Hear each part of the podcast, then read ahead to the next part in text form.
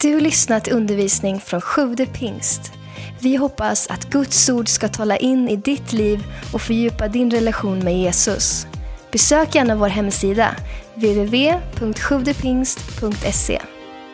på er hela Guds vapenrustning så att ni kan stå emot djävulens listiga angrepp. Ty vi strider inte mot kött och blod utan mot furstar och väldigheter och världshärskare här i mörkret. Mot ondskans andemakter i himlarna. Ta därför på er hela Guds vapenrustning så att ni kan stå emot på den onda dagen och behålla fältet sedan ni fullgjort allt. Sen kommer undervisningen då om de olika delarna i vapenrustningen. Men vad jag vill tala med dig om idag är att vi står inför en andlig kamp. Att det finns en andlig kamp att utkämpa som kristen. Vi behöver inte kämpa för våran frälsning, det har Jesus gjort en gång för alla. Han dog på korset för din och min skull. Så att den kampen är redan vunnen. Men det finns i livet en brottningskamp, det finns eh, eh, eh någonting som pågår i andevärlden. Eh, alltså i det som inte kanske först och främst är det fysiska materiella, utan i en annan dimension. Och här nu då så uppmanar Paulus oss att inte gå ut i matchen oförberedda. Att inte gå in i fighten nakna, utan tvärtom vara utrustade med det som vi behöver. Förra veckan fick vi se här nu eh, en brandman, vi fick se en, en, en militär, vi fick se en slalomåkare, vi fick se en sjuksköterska och en romersk soldat som alla hade rätt utrustning för att kunna utföra sitt yrke. Och vi behöver ta på oss Guds vapenrustning. Och vi ska tala mer om det som sagt, men idag vill jag också förklara varför. Jo, För att det finns en andlig kamp. För vi måste reda ut först då, när vi då tar på oss det här, det är ju en ganska krigisk handling. Paulus tar bilden av en romersk soldat med de olika delarna. Och det, det är liksom, vi är ju rustade för strid här på något sätt. Och det första vi måste reda ut det är ju vem slåss vi emot egentligen? Det är liksom, nu ska vi ta dem här. Jag brukar lockas till det när vi, när vi ber här innan mötena. Så står vi i en härlig ring och ber tillsammans med alla volontärer. Och så när vi har liksom sagt amen, då brukar jag säga så här, nu tar vi dem! Och så kommer jag på, vilka, vad är det, vilka vi ska ta? Vad, vad ska vi? Ja, men, okej, vi, nu, nu ger vi järnet, det kanske är lite bättre. Vi måste reda ut vem det är vi slåss emot.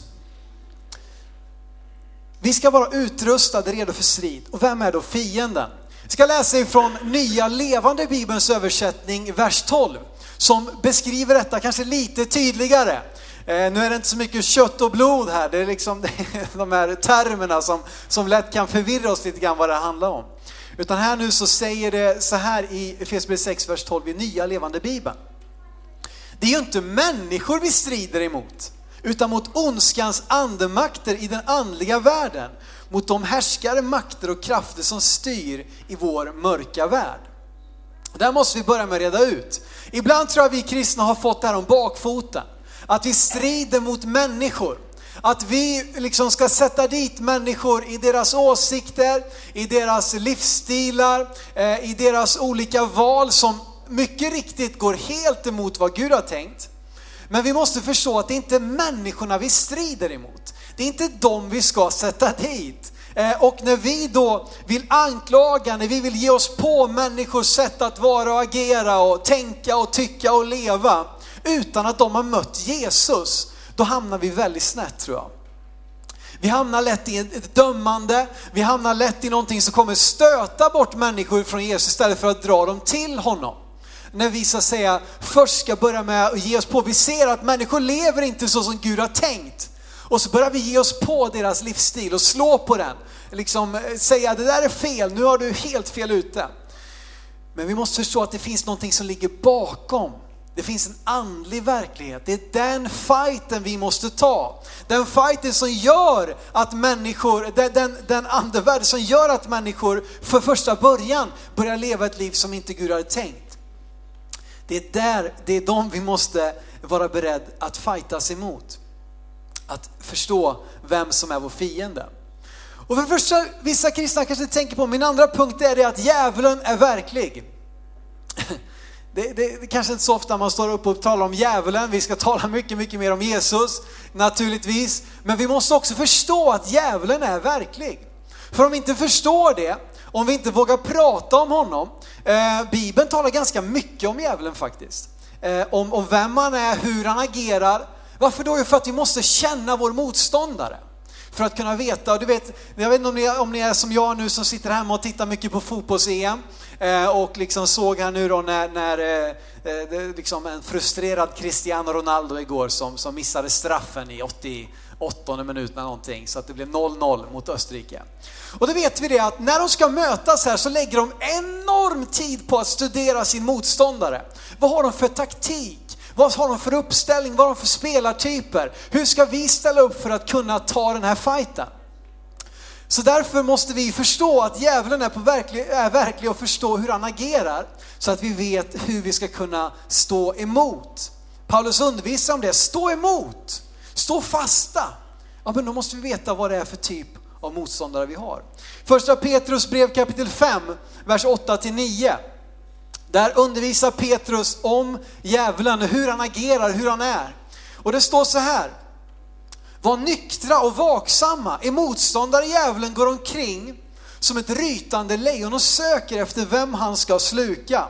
Gör motstånd mot honom, orubbliga i tron. Här så talar Petrus om att djävulen finns på riktigt. Han visar också hur han är. Jesus säger det på ett annat sätt i Johannes kapitel 10, där han säger att tjuven, alltså djävulen, kommer bara för att stjäla, slakta och förgöra. Det är hans taktik, det är det han är ute efter. Och så säger han att men jag har kommit för att ni ska ha liv, jag har liv i överflöd.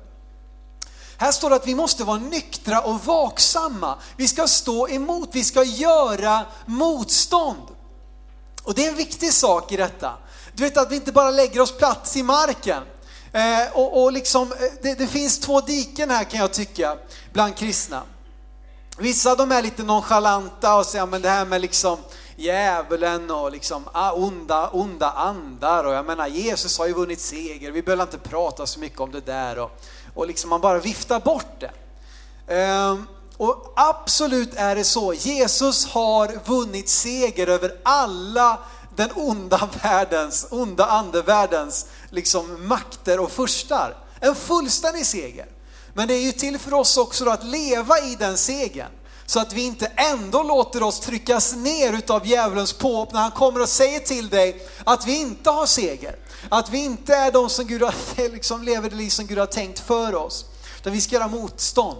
Så vi ska inte vara nonchalanta och bara liksom säga ja, ja, ja, strunt samma. Men sen finns det också en annan grupp av kristna som kan vara, lyfta upp djävulen och göra honom så enormt stor. Liksom att, åh, vi måste vara, måste vara rädda här och det, det, liksom, det, det finns en demon i varenda buske liksom. Och det, man, man ser de här grejerna, det, alltså, det finns två diken här. Men jag tror att det finns en mellanväg också där vi ska göra motstånd. Och vi ska inte bara stå och ta emot de här slagen. Utan Gud vill rusta oss att kunna stå emot, att kunna stå fasta, att kunna hålla ut. Och då måste vi förstå att djävulen är verklig och hur han agerar så att vi kan slå tillbaka när det händer. Och ännu viktigare än att känna sin motståndare, det finns ju en fara i detta som, som eh, fotbollstränare eller någonting, att man blir så upptagen med sin motståndare att man glömmer bort sin egen spelidé. Att man är så upptagen med att liksom studera hur det är egentligen med den onda, onda liksom andemaktens hierarkier och, och vad, vad, finns det för liksom försten över Babylon. Och det, du vet, vi, vi är så upptagna med att, att studera vem vår motståndare är att vi glömmer bort vilka vi själva är. För att det är ännu viktigare skulle jag säga, vem är du? Vad har du att komma med? Och det är ännu viktigare att fråga sig, det är vems är du? För att förstå vem du är måste du förstå vems du är. Det här ordet vems, då sitter någon, liksom, det här ska ringa in till språket i P1 och säga, man kan inte säga vems. Jag är, helt, jag är inte alls säker på att det är ett korrekt svenskt ord, men jag tror ni förstår min poäng. Vems är du? Vem tillhör du? Var i har du din identitet?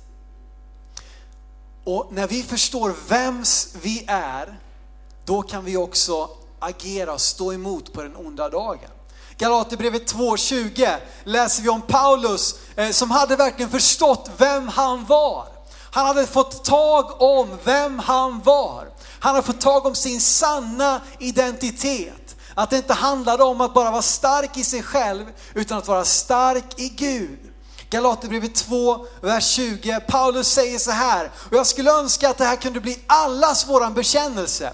Att nu lever inte längre jag, utan Kristus lever i mig. Och det liv jag nu lever i min kropp, det lever jag i tron på Guds son som har älskat mig och utgivit sig för mig. Där i har jag min identitet, i Kristus. Det är hans jag är. Jag tillhör Kristus. Han bor i mig. Och inte längre är det jag och min svaghet, min brist och allt det bristfälliga som jag bär på, utan Kristus lever i mig. En bekännelse vi kan ha allesammans som har sagt vårt ja till Jesus i våra liv, så vet vi att han bor i oss. Och det liv vi lever, det lever vi i tron på Guds son. Jag tillhör Gud. Jag är hans barn. Där i har jag min trygghet, min identitet. För att om det skulle hänga på dig, då blir jag ganska orolig faktiskt. Om jag ska behöva bygga min kristna identitet och min tro på den här samlingen med människor. Om jag ska bygga min tro på mig själv, då blir jag vettskrämd. För jag vet, vi, alltså, vi kan ju se vissa brister hos varandra, men vi själva vet ju våra innersta svagheter, våra innersta misslyckanden. Så om det skulle hänga på mig, då skulle det här, då, då kan vi lägga ner med en gång, det kan jag tala om alltså. Därför att vi behöver bygga på någonting annat, på någonting, eh, på, no, på någon annan, på Gud. Och även om jag inte har så mycket förtroende för dig och mig i vår svaghet, så har jag stort förtroende för Gud i dig. Hänger ni med? Har ni vaknat än så länge? Här? Det, det, är liksom, det, är, det är sommarlov och så vidare, va? Men, men vi kan ändå hålla ut här och, och, och hänga på. Jag har stor förtroende för han som bor i dig. Och när vi får tag på vår sanna identitet i honom, vems vi är, då kan vi få leva ett segerrikt liv i Gud och stå fasta på den onda dagen. Och det är också därför vi talar om Guds vapenrustning, inte din vapenrustning. Det är inte de verktygen du har hemma liksom i, i, garaget, utan det är de verktyg som Gud har i det himmelska. Och all den himmelska världens rikedomar och välsignelser har kommit oss till del genom tron på Jesus. Och där i finns allt vi behöver för att kunna stå emot, stå fasta i den här andliga kampen som är på riktigt.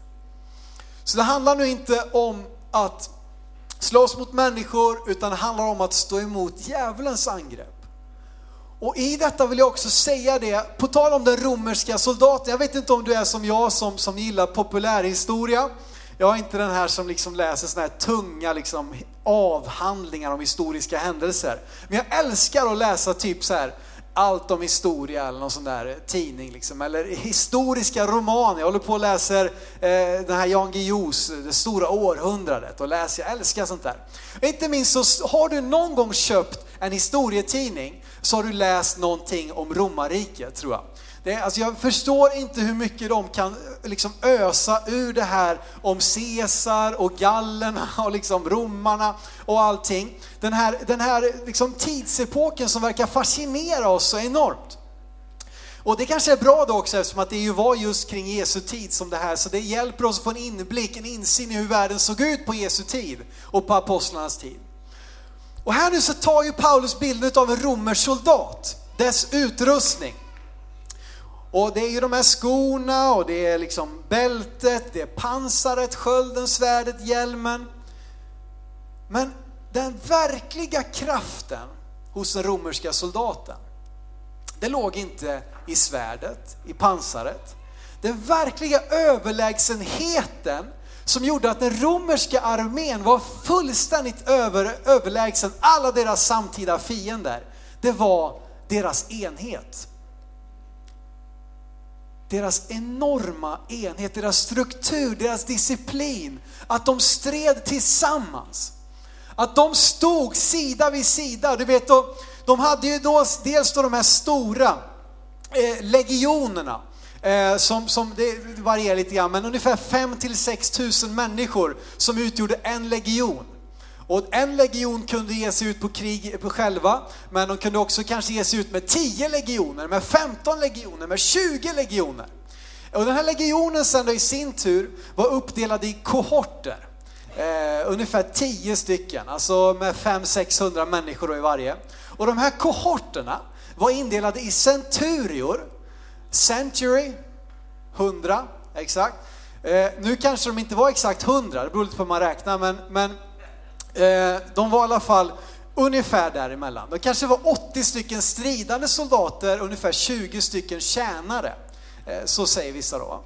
Så att då var de då indelade, de här kohorterna var indelade i centurior och slutade där och nej, centurian då på 80 stridande soldater var indelad i 10 grupper om 8 man som alla hade sin, så att säga, officer som de lyssnade till. Så att den här enorma enheten, där alla kände varandra och man kanske inte kände alla i sin legion, men jag kände alla i min liksom åtta här. Och jag kände de flesta i min centuria och jag, jag kan namnet på ganska många i min kohort och jag vet namn, jag vet vilka generalerna är och så vidare. Så kunde de då agera som en man. De kunde göra stora liksom, förflyttningar mitt under pågående strid genom flaggsignaler, genom trumpetstötar, genom sändebud som gjorde att de agerade direkt därför att enheten var så enorm. Och det jag vill säga till dig och mig som Guds folk, du som har en tro på Jesus och, och vill vara en del utav, utav liksom hans rike, det är att striden är vår. Inte nu på ett sätt som att, som att vi, alltså Jesus har vunnit segern, han har vunnit striden. Eh, så att det, det, liksom ska vi bara, det är utifrån vad han har gjort som vi kan agera. Men i den här andliga kampen som är pågående, där djävulen kommer med sina lömska angrepp och försöker förstöra, försöker förhindra Guds rikes utbredning, försöker slå ner på människor som är nya i tron så att de ska tappa taget. Så att den nydöpte snabbt liksom glider bort kanske och, och slås tillbaka in i en gammal livsstil. Den här andliga kampen som är pågående. Om vi vill vara en del i det så måste vi förstå att striden är vår tillsammans, som Guds folk. Vi behöver utkämpa den tillsammans. För där fanns kraften i den romerska armén. Där fanns överlägsenheten, inte i den fantastiska enskilda utrustningen uniformen, utan i kraften i legionen, kraften i åttan, kraften i centurian, kraften i kohorten och kraften så småningom i hela armén. Och här nu tror jag att vi någonstans i detta, om vi som församling är en liten åtta eller om vi är en centurie eller om vi är en egen legion, det vet jag inte. Men vi behöver vaka över och bevara enheten. Därför att så fort liksom leden bröts i armén och det, det bröts den första ledet, ja men då kunde striden vara förlorad. Då bröts sammanhållningen, då bröts moralen. Människor började springa åt varsitt håll, människor tappar fattningen. Och så kan de som var så starka, så enhålliga, men när leden bröts, då splittrades allt många gånger. Även om de också kunde återfå enheten. Det är inte kört om man har upplevt en splittring. Låt oss läsa psalm 133 och se den här fantastiska salmen som talar just om vad enhet betyder. Det står så här, psalm 133. Se hur gott och ljuvligt det är när bröder och systrar naturligtvis bor endräktigt tillsammans. Det är som när den dyrbara oljan på huvudet rinner ner i skägget, i Arons skägg och ner över kragen på hans dräkt. Det är som Hermons dag, det högsta berget i Israel som har snö stora delar av, eller kanske har det hela året. Det är som Hermons dag som faller ner på Sions berg. Ty där ger Herren befallning om välsignelse, om liv till evig tid. Tack och lov att vi har fått lite skäggtrend här i, i, Sverige igen så vi kan börja förstå det här med oljan i skägget och så vidare lite bättre. När man liksom ser alla de här grabbarna som går till, det öppnas sådana här barbershops vet ni och man, man köper dyra oljor så man ska hand, hand liksom, så att skägget inte bara blir någon slags ofräsch, eh, o, o, vad heter det? sanitär olägenhet, säger man så? Det hjälper oss lite grann att förstå vad det handlar om. Den här oljan som rinner ner i skägget. Hermas. Alltså han försöker bara måla upp en bild av det vackraste, det dyrbaraste, det finaste psalmisten kunde komma på här för att beskriva hur det är när bröder och systrar bor endräktigt tillsammans. Så fantastiskt är det. Och se här den löftet som kommer i vers 3. Där ger Herren befallning om välsignelse, om liv till evig tid. Där enhet finns ger Herren befallning om välsignelse. Där enhet finns, där kan Guds folk stå starka och enade och stå emot djävulens alla listiga angrepp. Därför att vi står samlade och vi drar ner Guds välsignelse, inte bara över oss som är med i den här kyrkan, utan över hela vår stad, över hela vårt land. Därför att vi bor endräktigt tillsammans. Det finns en enhet här som är större än att man röstar på samma parti. Det är en enhet som är större än att vi lyssnar på samma musik. En enhet som är större än att vi hejar på samma lag. Det är en enhet där vi bor tillsammans och där Guds välsignelse strömmar ut om liv till evig tid. Djävulen vet att där det är enhet bland Guds folk, där kommer Herre ge befallning om välsignelse. Så vad tror ni att han kommer slå på? Om du nu vore liksom, det här är som att Island nu då, lilleputtlandet ska möta Portugal. Vi måste slå på någonting. Vi måste, sätta, vi måste stoppa Ronaldo. Då kommer vi att besegra Portugal. Och om djävulen nu ser att där det finns enhet bland Guds folk, där kommer det att bli välsignelse. Där kommer det att finnas en endräkt, det kommer det finnas en kraft. Så vad tror ni han lägger in sin stöt på? Vad tror ni han kämpar för? Jo, att krossa enheten, att drabba oss med splittring. Och jag kan se det i vår församling, jag kan se det i hela vårt land, jag kan se det i kyrkor bland troende runt om i hela världen, jag kan se det i historien. Där djävulen vill slå på enheten och hindra Guds välsignelse och stoppa upp det. Och då måste vi påminna oss om att striden är vår. Vi behöver hålla armkrok, vi behöver stå samman. Så hur uppstår då splittring? Ja, säkert på många olika sätt. Och det här jag bara upplevt att Gud har talat till mig att, att, att, att lyfta just den här biten, den andliga kampen består av många olika saker, inte bara splittring. Men jag har upplevt att Gud vill visa på det, därför att ett sätt att vi står fast i den andliga kampen är att vi är enade, som den romerska armén. Och jag försökte tänka till, när uppstår egentligen splittring? Ja men det är väl när man inte är överens. Och så tänkte jag, nej, det, så behöver det inte vara. Man, kan väl, man behöver inte vara överens, man kan ändå hålla ihop. Men titta på vilken familj som helst. Eh, alltså, men när uppstår splittring? Och jag tror att det uppstår ganska mycket i oförståelse. Och oförståelse uppstår ofta när vi inte är överens. Och när vi både inte är överens och inte förstår varandra, då kommer det i sin tur, tror jag, kunna leda till missförstånd. Som leder till en splittring. Det leder till ett gap. Så därför vill jag säga det här nu.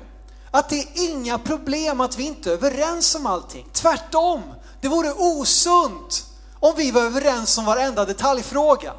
Det, det, det, det är liksom så ser sekter ut. Där alla tycker och tänker exakt likadant. Jag menar, det, det, det är ingen sundhet i det. Men i våra olikheter där vi tycker olika så kan vi ändå förstå varandra. Jag kan förstå var du kommer ifrån, jag respekterar det. Och vi kan bevara enheten även om vi inte är överens i varenda detaljfråga. Men jag tror att vi måste upp, ta upp fighten för enheten. Vi kan inte bara lägga oss platt och säga, men det är hans fel. Ja men det är hennes fel, det är deras fel och det var ju doms fel och, och han sa det och de sa det och hon sa det. Och, och så tar vi ett kliv tillbaka från ansvaret att stå kvar, att stå fasta, att behålla linjen intakt. Därför att när vi då inte är överens och dessutom inte förstår varandra och det föder missförstånd, så kommer det kunna bidra till att vi nästa gång vi ska försöka prata så kommer vi in i det samtalet med en negativ inställning från början. Jag är redan negativt inställd till dig på grund av det som vi sa förra gången. Och när jag är negativt inställd till den jag pratar med, då kommer jag att leta efter saker som bekräftar min tes om den personen i det sammanhanget. Jag kommer leta efter saker, inte det som kommer kanske få mig att förstå personen, utan väldigt lätt efter det som kommer få, ja, vad var det jag sa? Jag visste det och det är så det är. Och det här är livsfarligt. Och vi kommer titta efter ord, efter kroppsspråk, efter tonfall, efter uttryck som vi kan rycka ut och säga, ja men titta vad han sa, titta vad hon gjorde.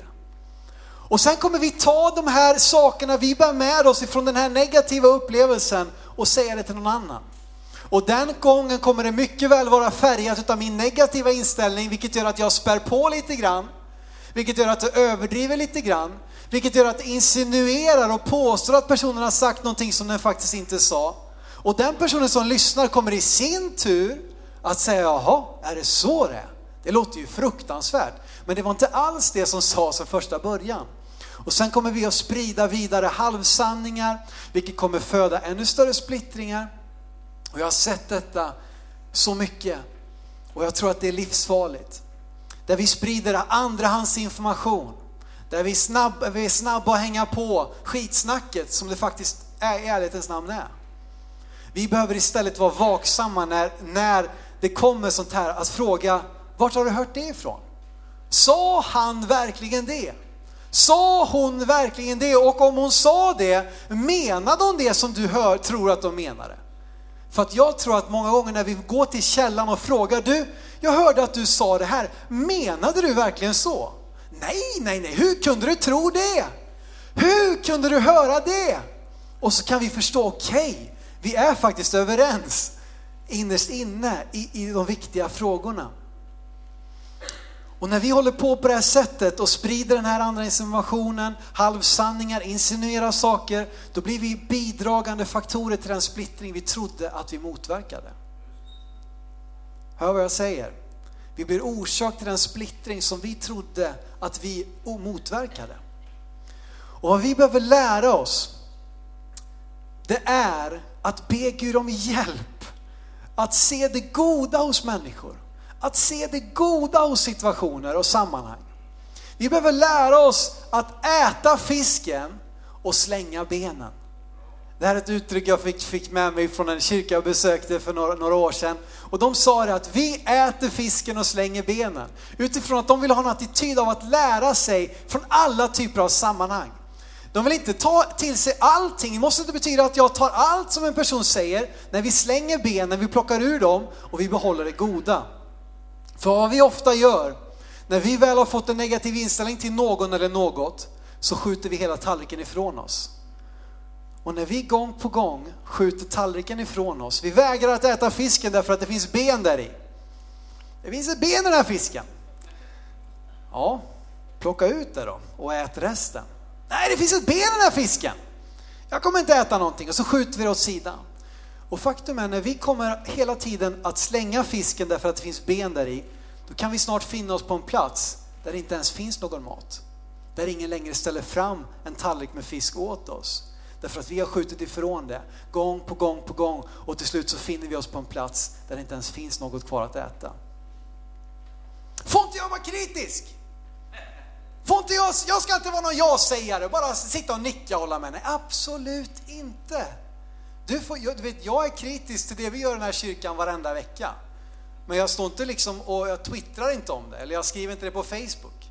Jag tar det med dem som det handlar om. Och jag försöker också då i det, du alltså vad fantastiskt bra det här var, men kan vi jobba lite på det här till nästa gång? Fråga de som, som jobbar med mig eh, så säga, under veckorna med saker och ting vi gör här, om det inte är så det är. Men om du säger att jag har minsann inte tänkt att vara en ja-sägare, så vill jag säga till dig, var för allt i världen inte bara en nej-sägare. Jag kan tala om för dig att det är inte från Gud att vara en konstant nej-sägare.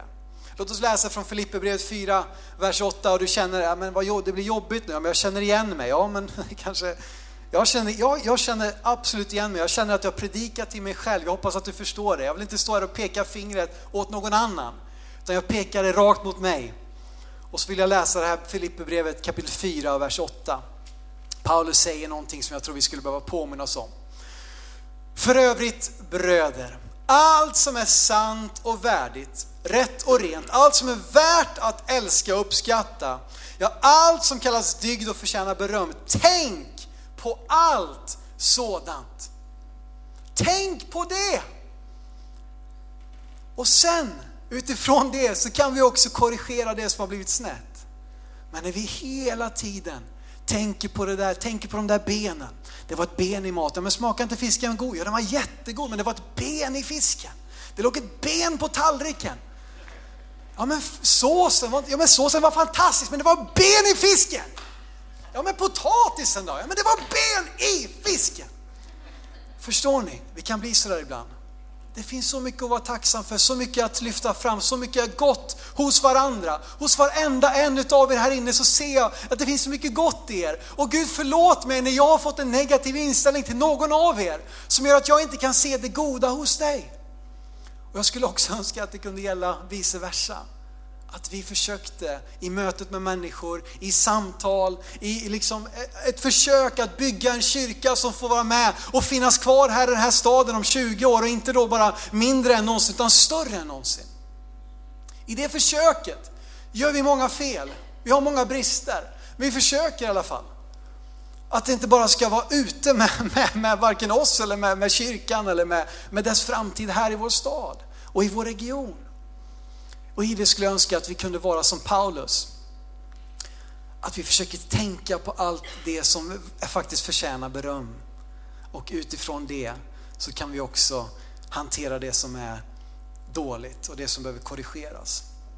Jag vill säga det än en gång. Ingen ska använda den här predikan på ett sätt att säga, man får inte säga någonting, man får inte tycka någonting. Nej, det har jag absolut inte sagt.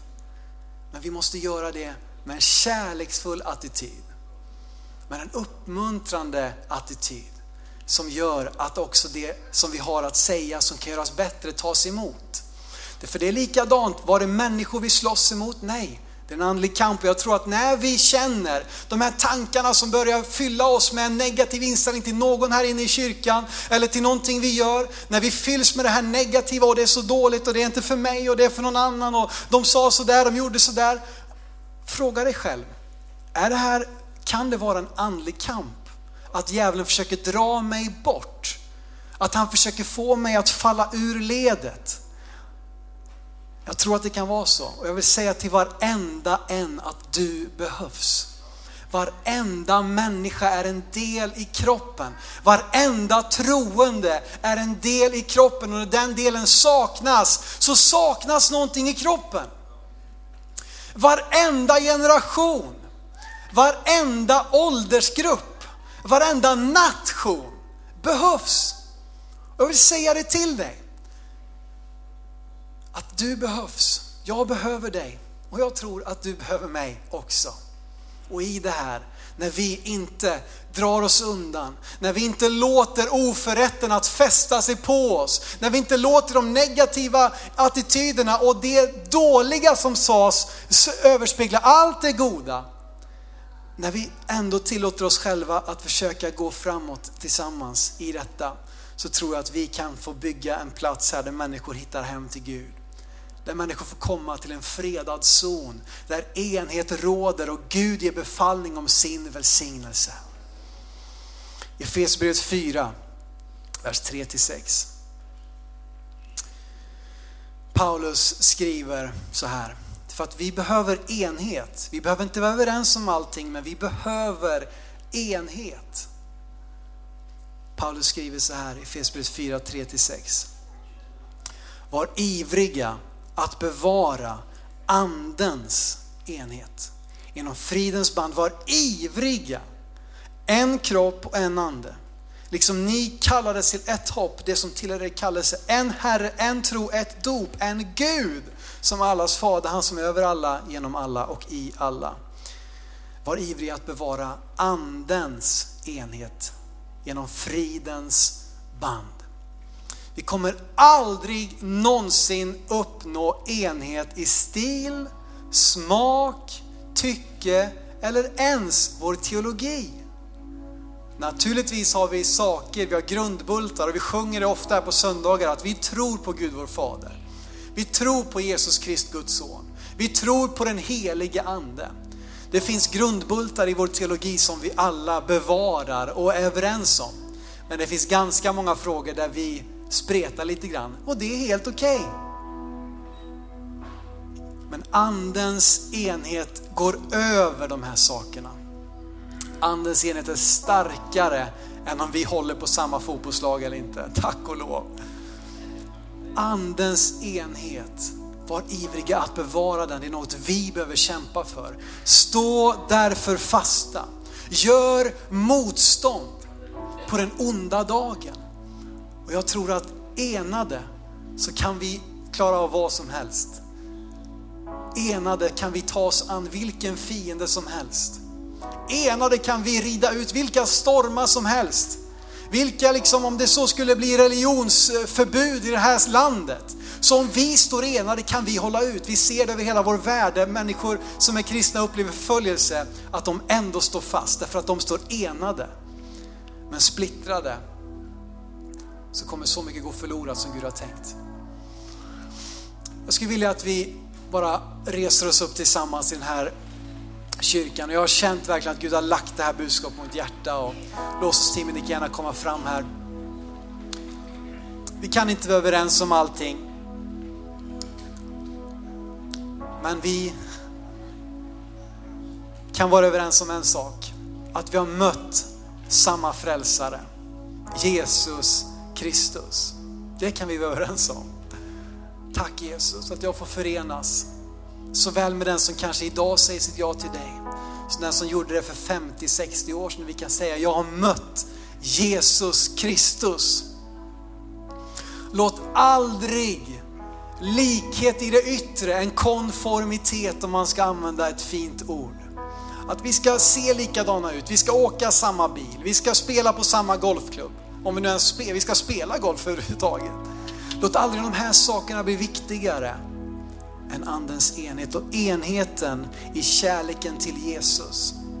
Kärleken till Guds ord och kärleken till de som ännu inte mött varken Jesus eller hans ord. Jag ska säga det igen. Jag tror att vi behöver få en enhet i kärleken till Jesus, i kärleken till Guds ord och i kärleken till de som ännu inte mött varken Jesus eller hans ord.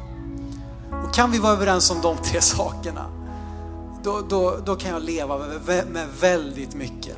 Och jag måste fråga mig själv, vad kan jag vara beredd att uppoffra av min egen smak och tycke för att få enhet i de här viktigaste frågorna? Det är en prövning jag måste göra för mig själv. Vad kan jag vara beredd att avstå för att vi ska få enhet i de här sakerna?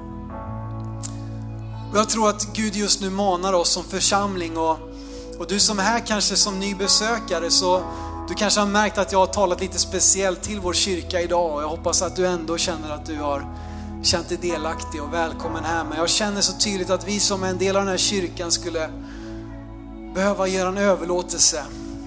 Jag vill överlåta mig till dig.